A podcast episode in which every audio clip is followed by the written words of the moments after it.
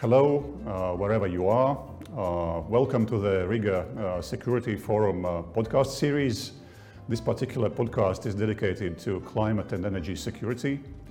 Uh, my name is Reinis Āboltiņš. I'll be the moderator of the conversation. I'm a doctoral student researcher at the Riga Technical University, uh, energy expert, and may I welcome three outstanding participants of this podcast uh, who will be at the center of the focus and attention for the next roughly 35, 40 minutes. So uh, let me welcome, uh, warmly welcome Carole Mathieu, Head of EU Policies, Center for Energy and Climate, the French Institute of International Relations. Welcome, Carole. Thank you. Um, Good morning. Welcome, uh, warm welcome also to Kira Vinke, Head of Center for Climate and Foreign Policy, uh, German Council on Foreign Relations, and also scientist at the Potsdam Institute for Climate Impact Research. Welcome, Kira. Thank you very much. Good day. last but not least, uh, uh, welcome, uh, warm welcome also to Edmunds Cepurītis, who is a Riga City Council councillor. He is also the head of the Committee on Housing and Environment. Welcome, Edmunds. Yes, thank you for having me. Great, great to have all three of you. I'll uh, try to let you speak and uh, let myself only moderate the discussion and lead the discussion and ask some questions. So, um, although this will be as a dynamic conversation as possible, I have prepared a few uh, talking points and uh, uh, one thing which I would like to begin with, uh, just to set the level playing field for all the discussants. Discussants when we speak about climate and energy security, uh, how do we interpret really the concept of climate and energy security? Um, may I first turn to Carole then? Yes. Um, well, I, I, think the starting point of our, of our discussion is that um, we we have uh, to reinvent the way the way we produce energy and the way we consume energy uh, in Europe, and that's because uh, we have this uh, joint commitment within the European Union to um, really engage uh, in the low carbon transition and uh, reach carbon neutrality by 2050. So, so that's our, our joint commitment, and all member states are behind this objective. I think. Um, and maybe we have uh, picked up the low-hanging fruits over the past decade, and now it's clear uh, that when we discuss 2030, we have to go through systematic changes. And um, of course, I think it uh, requires that uh, we rethink uh, the concept of a, of a security of supply. Um, because clearly the destination uh, is is um, um, uh, an improvement in terms of uh, security of supply. It's well known if, if you switch from uh, the dependence on fossil fuels to renewables, low carbon sources, then then it's clearly an improvement. But I think at the same time we little by little understand that the geopolitical concerns will not just simply move away. we have new questions about strategic autonomy, about the, the control control on, on uh, value chains and, and raw materials. So even in a low carbon future, um, uh, energy security is, is still a concern. And perhaps we can just add uh, that um, today, with the energy price crisis, we also have a reminder that during the transition, we have to manage risks um, because for some time, maybe a decade or, or more, we'll have this dependency on fossil fuels, plus these new questions about the low carbon future and the new geopolitics of, uh, of uh, clean energy. So, yeah, maybe uh, security of supply has always been on the agenda, but uh, it will stay very high uh, in terms of priority, I think. Energy efficiency has to kick in here as well because the energy security concept is not only about uh, how and where from we do get our energy resources, energy, but also how we do consume or do not consume it. And so it's both uh, the on the, on the demand and supply side. Kira, what's your take? Yeah, if we talk about uh, climate security, of course, I think the main objective here is to keep humanity in the safe operating space of planet Earth, of a climate that is relatively stable. Um, and our current consumption patterns of energy, in particular of uh, fossil fuels, they um, they risk that we kind of catapult ourselves out of the safe operating space. Um, of course, we need energy for development, for living well, so to say. Um, and we need uh, energy security. And um, as uh, Carole also pointed out, um, there's big questions about energy autonomy out there. Um, we are uh, interdependent with various countries, with various actors. Um, not all of them are uh, uncomplicated, so to say. So I think um, there is also a big chance to kind of democratize the access to energy uh, by switching to renewable energy. But I, I, completely agree that we have a decade ahead of us that will require, um, yeah, a rapid upscaling of innovation and the upscaling of efforts to, to really um, secure this transition. We have to do it um, once because of the risks of climate change that are threatening our yeah our our economies on very different levels. Um, but we also should do it for other reasons. For example, for the health effects, uh, the local and immediate health effects that, for example, uh, coal-fired power plants uh, pose pose to us.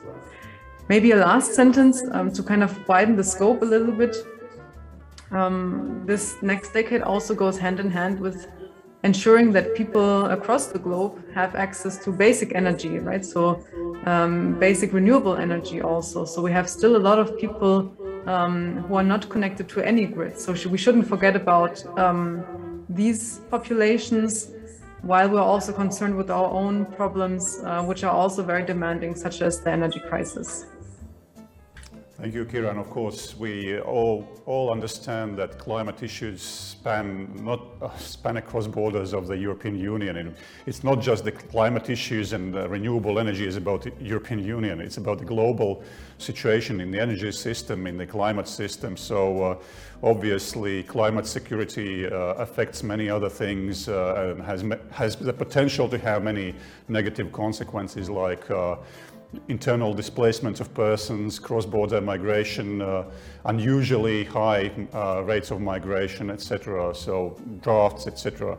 So indeed, uh, when we speak about energy security, I think you're right. It's not only about the supply of energy. It's also it's a, it's a much broader concept. But uh, uh, our, our, third panelist here comes in, uh, Edmunds. you as a Riga City Councillor, Riga is placed on, a, on quite a big river. Uh, close to its estuary with 50% uh, of the country's population. Uh, do you think that these uh, the inhabitants of Riga as a capital city of the country might also somehow be subjected to these uh, effects, negative effects of uh, stemming from insufficient climate and energy security? Well, definitely. I, actually, we are a bit lucky in, in, in maybe quote marks uh, because uh, Jelgava is actually one of the lowest cities, although it's further down, but definitely Riga is also one of the coastal cities. And uh, maybe some areas are, are, better protected, but for, for some areas there's definitely uh, this, this uh, uh, un unpredict unpredictability, how, how much can we develop and how much in adaptation we have to invest. And, and generally, maybe to, to connect these issues, I think there has been a hidden and you could say undervalued value in, in the basis of our prosperity, and that has been the stability. And that, that is the value that's been eroded by the climate crisis, and, and that affects almost every sort of uh, area of decision making, both the security, uh, even uh, such things as investments are very much based on being able to make predictions. And if there's no stability, uh, which more and more emissions uh, lead to and, and, and uh, which climate crisis some, somewhat erodes, then you are somewhat limited in instruments you make. Even in a very practical case, uh, uh, insulating and refurbishing your home, you need to at least somewhat predict what the winter weather is going to be. And, and such simple questions lead to larger questions where, of course, uh, we are losing that uh, predictability and stability, and that, of course, also threatens the security of our future. Thank you. That's a very good point indeed. In, in fact, uh, I think we all agree that uh, one thing that we can do uh, in terms of improving our climate and energy security is to influence our behavior, at least, or change our behavior. So on the demand side, it is in our power to do something every day, every hour. So we can consume uh, uh, less energy, less fossil energy, or we can use uh, energy, the same volume of energy to do more in a way, so be more efficient in, in this way. Uh, so, uh, of course, uh, these things are on one hand abstract, on the other hand, they are very specific. And this is quite interesting when it comes to formulating policies. Uh, um, and uh, since the policies are the, uh, uh, the way, formulating policies and choosing uh, policy instruments is the way how we actually materialize our good intentions and when we, we trying to bridge the intention action gap uh, where we can have good intentions towards the environment and climate. We strongly believe that it's important to work on, uh, on the uh, uh climate impact mitigation, on the mitigation of uh, human impact on, on, on the climate change. Uh, but on the other hand, it does not always result in action. So we have to somehow formulate these policies, um, uh, adopt laws, directives, regulations, and uh, also implement those. Uh, so, but there is one problem indeed. If we look at the EU, uh, there's a variety of countries indeed, and the spectrum of opinions on climate and energy issues is really, really vast. And these opinions uh, change from country to country, depending mostly on uh, on the energy portfolio of these countries. And uh, of course, it's not difficult to observe that climate and energy issues and opinion about these two things, uh, which are actually one thing, to be honest, uh, that there's a variety of opinions. I'd rather dare to say that there's a, a quite a zoo of opinions within the EU. Uh, Kira, uh, would you comment the perspective uh, uh, on, on these variety of uh, opinions. I know that Germany, of course, is one of the pioneers towards in energy transition, but it is always, there's also groups which criticize that we are taking too much, putting too much pressure on our shoulders regarding these changes. What's your take on it? I mean, all European countries and um, basically the countries around the world have agreed to a common goal, actually. So we have one common goal, which is to keep uh, global mean temperatures well below two degrees and preferably to a rise in mean temperatures to 1.5 degrees. And this uh, immediately uh, means also a, a transition uh, to renewable energies because um, we don't have any other option to achieve these goals than to um, reduce um, the releasing of, of, CO2 into the atmosphere. So um, I think therefore we have a common goal um, how how we will get there, and of course this in the European Union is then also um, yeah under yeah also includes the the Fit for 55 package. Um, so another emissions reduction target that we are obliged to achieve. And um, so, how we will get there is then a, a, question of each individual member state. And I think uh, also Germany could do a lot more to have a more rapid transition to clean energy. For example, a quicker exit from uh, coal um, because um, of its severe uh, and extremely costly external uh, costs, so to say, that are not priced into the uh, into the current energy price. So I think uh, um, phasing out of cost uh, of um, coal energy production by 2030 is uh, is reasonable in the case of Germany. Of course, um, within Europe, there are different challenges and different setups for energy production. So I think um, we will not have one completely coherent uh, strategy how everybody will produce their energy. Um, this may also not be uh, very useful because we have also different uh, geographical um, circumstances uh, where, for example, some countries are able to invest in, in wind and offshore wind much more, whereas others are better fit for solar energy. So I think um, this will have to be decided on um, on the national level, but it's important to align um, all of our policies to the common goal that is agreed upon in, in, the Paris Agreement, and in which the industrialized nations, and we belong to the industrialized nations in the European Union, um, have to take uh, the more ambitious and early steps towards this transition.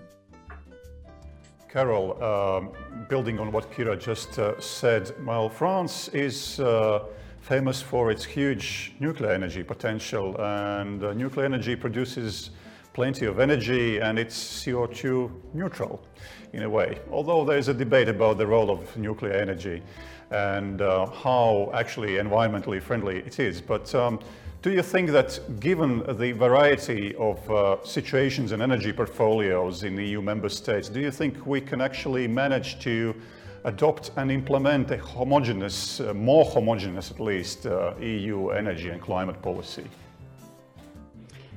Well, yeah, I think in, in theory it's good uh, that we have uh, different choices. It's good that we have different demand patterns as well and uh, different energy mixes because, um, I mean, the core uh, idea be behind the internal energy market is that um, we will benefit from the complementarities between member states and we will stimulate uh, energy trading and overall uh, it will help us uh, decarbonize and and um, um, manage the cost increase for, for final customers. So that, that's the big promise, I think, uh, be, behind the internal energy market project. So in, in theory, it, it should work well and uh, and and and yeah, you you you mentioned the the uh, the the, the importance of uh, nuclear in, in some countries. I mean, I don't I don't want to get into the controversies. Perhaps it's our biggest disagreement in Europe today uh, about the role of, of nuclear. Um, about coal, clearly there's a there's a there's a, destination, an agreement that uh, it has to be phased out for several reasons, and the discussion is about the the phase out dates, uh, as as Kira uh, mentioned for for Germany. Um, Perhaps we can also say that um, we all agree that our dependency on gas is not sustainable. It does not fit with the the the, um, the carbon neutrality uh, target. Um, but our remaining uh, disagreement is about the role of nuclear all I can say is that today it's still 25% of our of our uh, electricity production uh, in, Europe, and and to some extent um, it's uh, useful, I think, for, for Europe as a whole that uh, France uh, has uh, such a high um, nuclear production that is low carbon. Um, it's a um, dis dispatchable asset. At least it's a, a steady production profile, so it can be useful at times when the wind is not blowing uh, enough in the North Sea or other uh, factors. So the fact that we are different, I think, is is, a good point. But I, I, I, I fully understand that we have uh, other disagreement on other aspects than than uh, the, the the emission intensity of of nuclear. Um, but I mean, we'll see how it goes. There's a, a very uh, heated debate over the, the the green taxonomy. Um, it, it's part of the game. Uh, it has always been the case uh, in Europe. Uh, we don't necessarily agree on, on, on the, the, the right uh, energy policy choices, but I think we have two commitments in, in common. Uh, we have the internal energy market, so we need to uh, open competition and we need to apply the same rules. And the second commitment, of course, is climate change. And um, I think that um, if, with these two commitments in mind, you have to ensure at least consistency between the national policies and ensure that uh, you discuss uh, enough with your neighbors uh, because the choices that are made in one country will necessarily uh, affect uh, the neighbors. Thank you, Carole. Uh, Edmunds, well, we've just heard two already opinions and comments on, on the variety of, of situations in Europe and uh, possibility uh, to exercise more homogeneous approach to these energy policies. Uh, from your perspective as a representative of, of, a capital city which consumes plenty of heat every heating season, depending of course on the weather conditions, but uh, that heating is produced predominantly from natural gas. And it actually plays a significant role in district heating, which is well developed, just like in uh, uh, quite a number of other big uh, capital cities around Europe. So, uh, at least in the northern parts of Europe, wherever you have winters, uh, do you think that it is possible to achieve um, uh, a more homogeneous approach to this? And do you think we can get away, or rather, start getting more rid of fossil fuels in our energy mix? Yeah, I guess I'll start with the first question about the, the, the, the co- commonality of policies where it's possible. And I stressed in my first comment also this, uh, this common value, which is, I think, uniting all the European countries and also, also the global countries, which is the stability. We, we really need stability for, for the future prosperity, for, for, for the security. And I think that's, this is a value which can also just uh, work to raise the ambition more and more for, for the sort of uh, floor of ambitions for, for the countries. That's what we are speaking about, phasing out coal and, and other fossil fuels, like this value which is really common irrespective of, of individual interests, at least in the EU countries, uh, should, should be exercised more to sort of uh, force these agreements further. Uh, I think then what, what is also maybe strengthened at EU level is this uh, also the, the differences where a lot of the countries actually are clearly just uh, at least like uh, rationally thinking they should be interested in changing the energy profiles as fast as possible. And of course, speaking from Latvia, which is one of the rare countries in, in the world which uh, extracts zero fossil resources, generally increasing the energy security and actually reducing costs and reducing these kind of price shocks that we've seen is all in the national interest of the country. So I think uh, what sh- should be done is perhaps both at the national level and also at municipal level is to allow uh, those actors who are willing to do more access to, for example, financial instruments and, and perhaps reducing some of the other obstacles to actually do more and, and, and bring the ambition forward.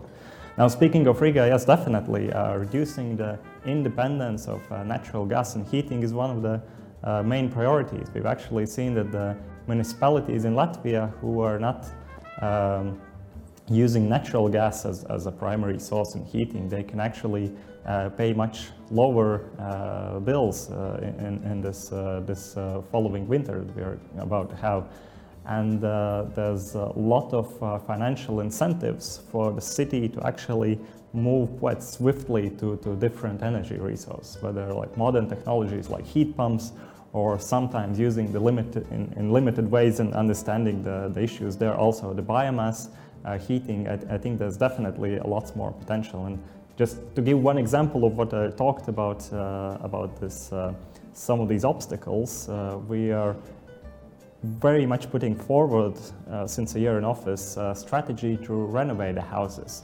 So to actually uh, drive down the, the, consumption of energy, and there's a lot of potential that in, in Riga. Uh, but currently, actually, the, the financial instruments that municipalities have and that are organized at national levels are not sufficient, even at national level, to achieve the uh, current national energy and climate plan uh, in regards to renovating the buildings.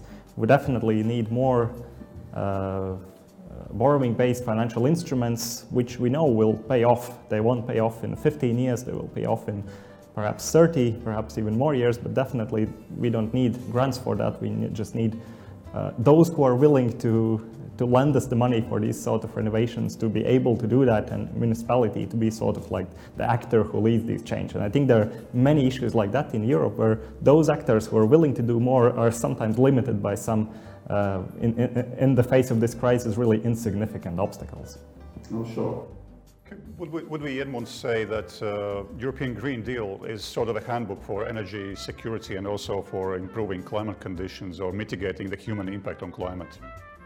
Well, definitely. I think the experts here would have more to say about security part, but, but I think the, the European Green New Deal, uh, with all the change in, in, in the narrative that it has brought, there's still some flaws in this side where, where the, the finance instruments and perhaps the, uh, the, the, the, the, other restrictions that, for example, member states have in their budget, uh, th there's still a lot more work to be done so that it's really uh, all the instruments are in place to achieve these goals. Because definitely it is cheaper to invest now in mitigation than then uh, have all the resources for adaptation because adaptation costs are definitely uh, going to exceed that if we are delayed in our actions.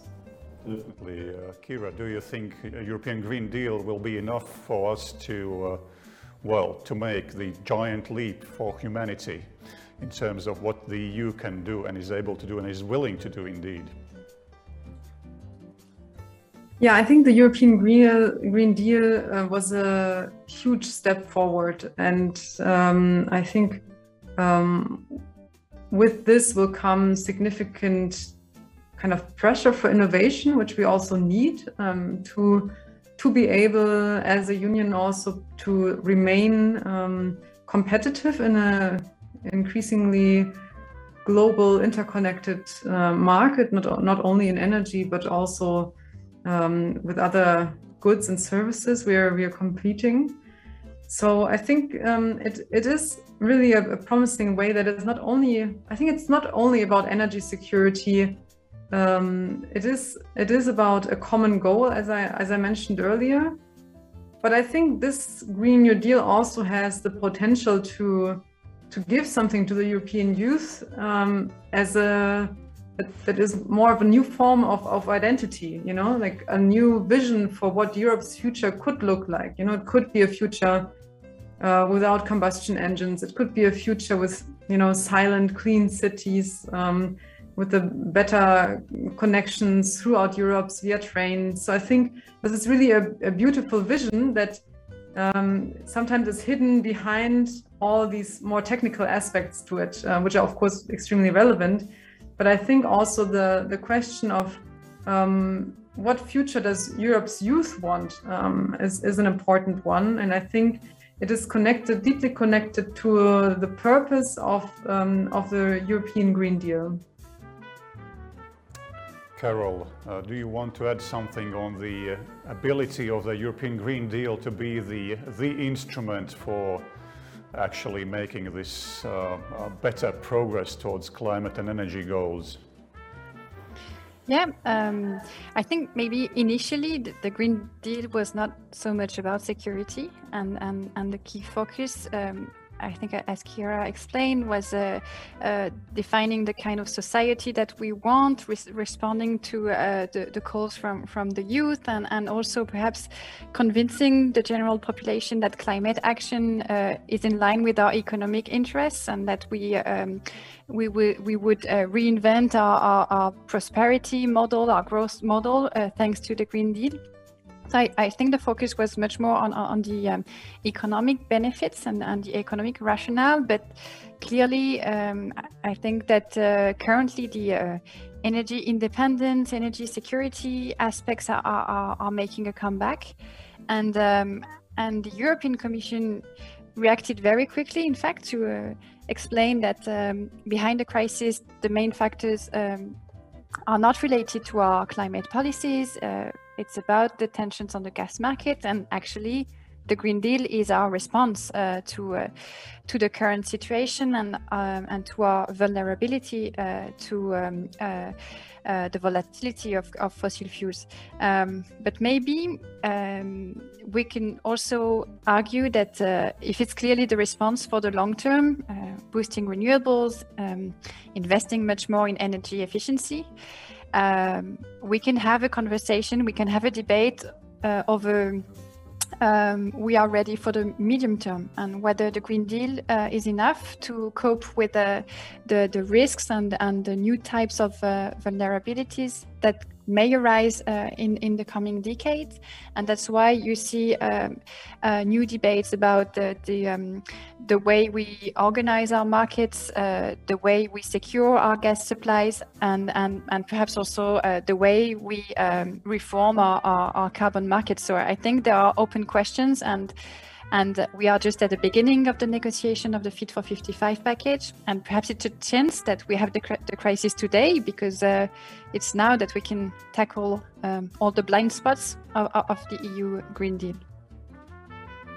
Right, so it, it looks like indeed we need, it's European Green Deal is more about the strategy, about the vision, uh, about the future that we all are uh, well striving for. We, we want a better future for ourselves, for, uh, for those who will be living in this future after us. And uh, well, it has to be cleaner, it has to be uh, there has to be more green energy, less uh, fossil fuel burning, uh, so this will definitely benefit all those in the future.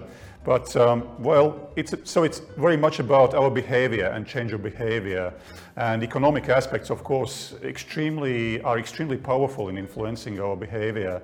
And uh, I'm uh, personally quite afraid that the uh, EU member states, but not exclusively the EU member states, uh, also other countries globally, uh, which are affected most uh, by these high energy prices, uh, be those electricity prices or prices of natural resources, energy resources, uh, that this behavior might be, uh, well, somehow influenced in a negative way.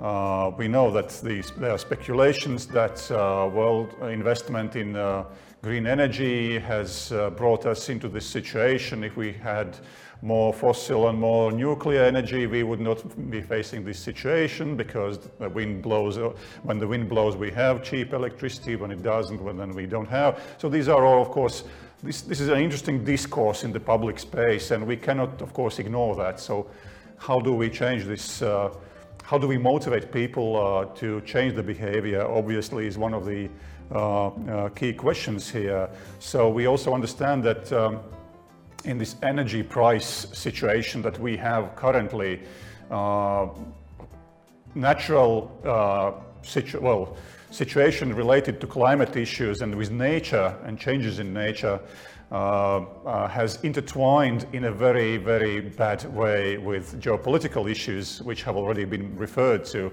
regarding, uh, regard, regarding things uh, which influence well, uh, supply or manipulation rather of supply of fossil resources which are relevant for uh, energy production, be it electricity or heat.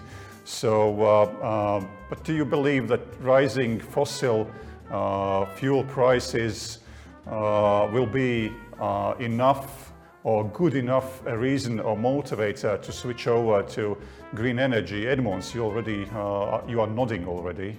Yes, I just uh, thought, since I represent the local level, I, I, could just give you a very simple example that uh, for, for Riga, the, the heating costs of all the locally produced electricity has remained, of course, uh, uh as low as, as they were. And uh, what has increased the cost has been these uh, external resources, the natural gas, of course. And I think with all the variability that renewable resources have, uh, you would never have such an unpredictable and like uh, uh, situation when the resource you're using is, is actually uh, bought from, from abroad and then brought from, from Russia, which definitely has its own interests.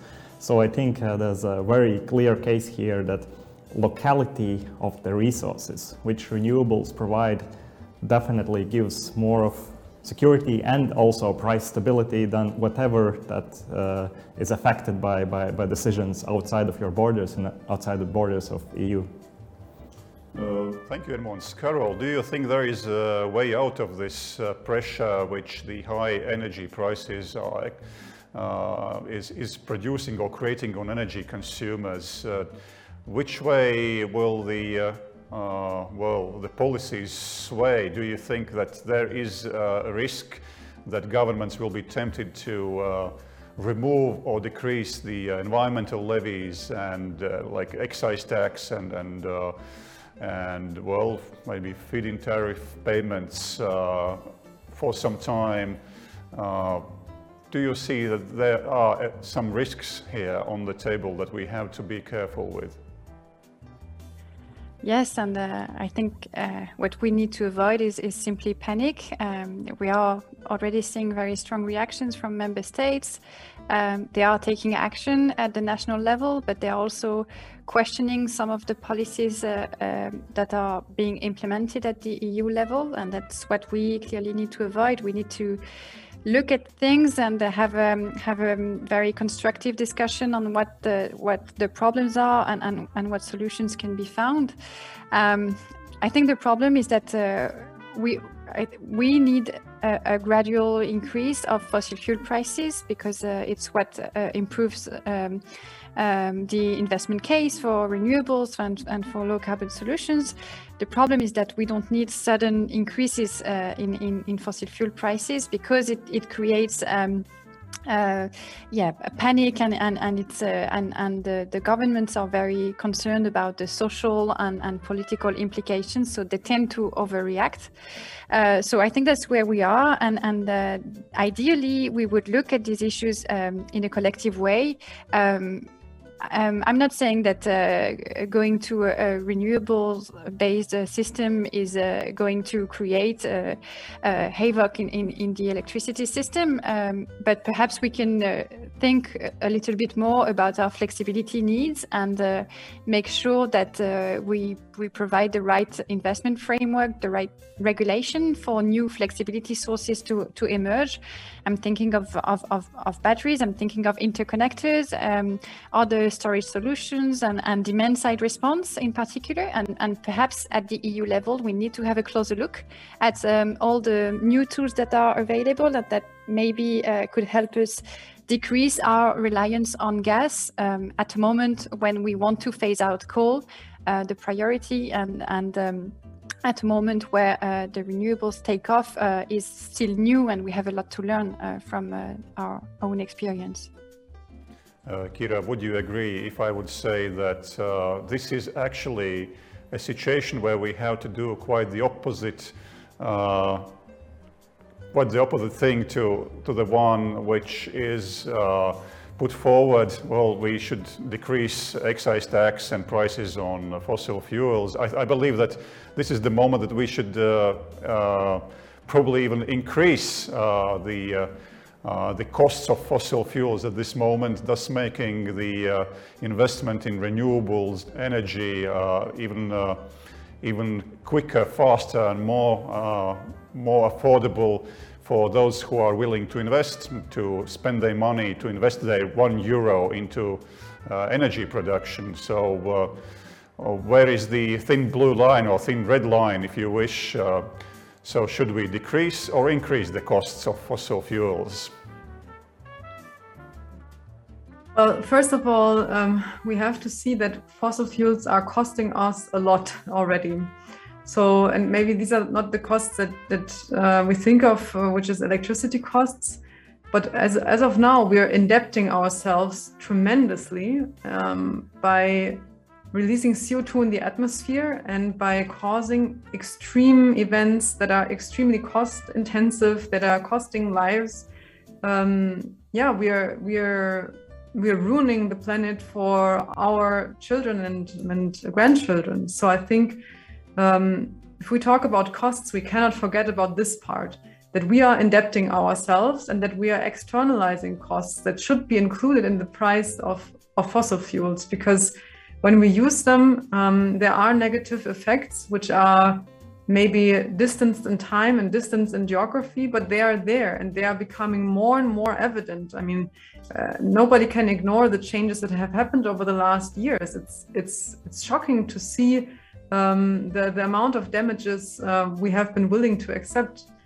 And let's not forget that we are in this crisis situation of being dependent on imported fossil fuels, be it gas, be it oil, because of many decades of inaction. Renewable energies have been on the table for several decades. And we, in all of this discussion, we should see that we could have been a lot further down the road. We could have reduced our dependency on renewable, uh, on fossil fuel energies, and we didn't. And this was because of, you know, lobbying and because of political reluctance to make changes towards this way. And the prices we are paying now are related to this.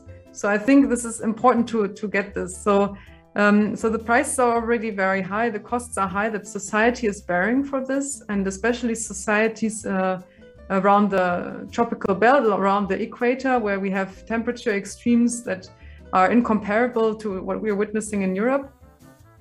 So, yeah, I think we should cut the subsidies we have in fossil fuels, and this will increase the prices, of course. This is necessary because the subsidies that we are paying for with our taxes um, are are eventually harming you know our future. So I think this is this is important, but of course we need solutions that protect those who are not able to afford a higher energy bill. So I think that there are solutions on the table um, that will make it possible uh, for for especially um, poor uh, households. Um, households that don't have a high consumption of energy, but for whom even an incremental increase in energy prices is devastating. I think we need solutions for, for these households. And I think this is where we need to, to shift the debate. For your intervention. I think it sounds like a very nice outro to our uh, today's podcast. Uh, but to uh, wrap up our uh, discussion, uh, uh, what would be like three keywords you would use if you would have to describe well, the, the future of energy in, in the context of climate and energy security. Edmunds.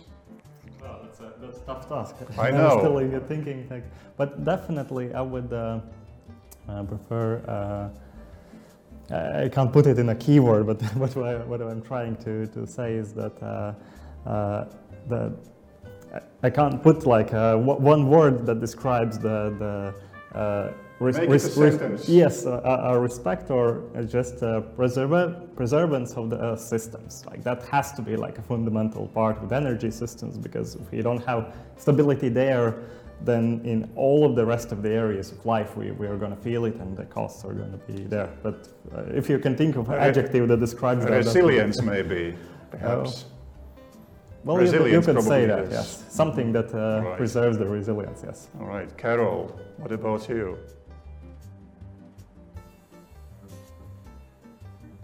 Yeah, I'm not sure I have three words, but I think that predictability would help in all situations. Uh, we, we need higher fossil fuel prices, but uh, it would be good if, if, they were predictable. And we need predictability for the investment framework uh, in uh, low carbon solutions. So I think it would help. And I think that's what uh, the Green Deal is about and the Fit for 55. It's about yeah, securing the framework for the next decade and making sure uh, we're in line with the carbon neutrality trajectory.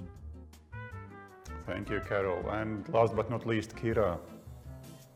Yeah, I had the longest time, so I wrote down just three words. I wrote down uh, strong European partners.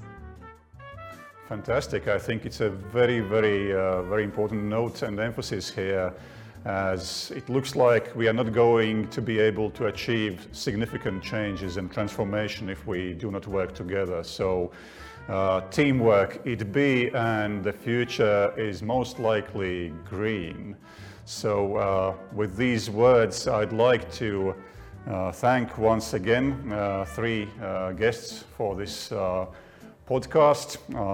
Carole Mathieu, Head of EU Policies, Center for Energy and Climate, the French Institute of, Institute of International Relations. Thank you, Carole. Kira Vinke, Head of Center for Climate and Foreign Policy, German Council on Foreign Relations, and she's also a scientist at the Potsdam Institute for Climate Impact Research. Thank you, Kira. And Edmunds Cepurītis, uh, councillor at the Riga City Council and head of Committee on Housing and Environment. Thank you, Edmunds. And once again, thank you for listening to this uh, wonderful broadcast. It's, uh, of course, the time flew by quite quickly. But uh, please spread the word about the series of these broadcasts, not only about the climate and energy issues, but also about other issues related to our future security. Uh, thank you from myself, Reinis Āboltiņš, uh, energy expert and uh, researcher at the Riga Technical University. Enjoy.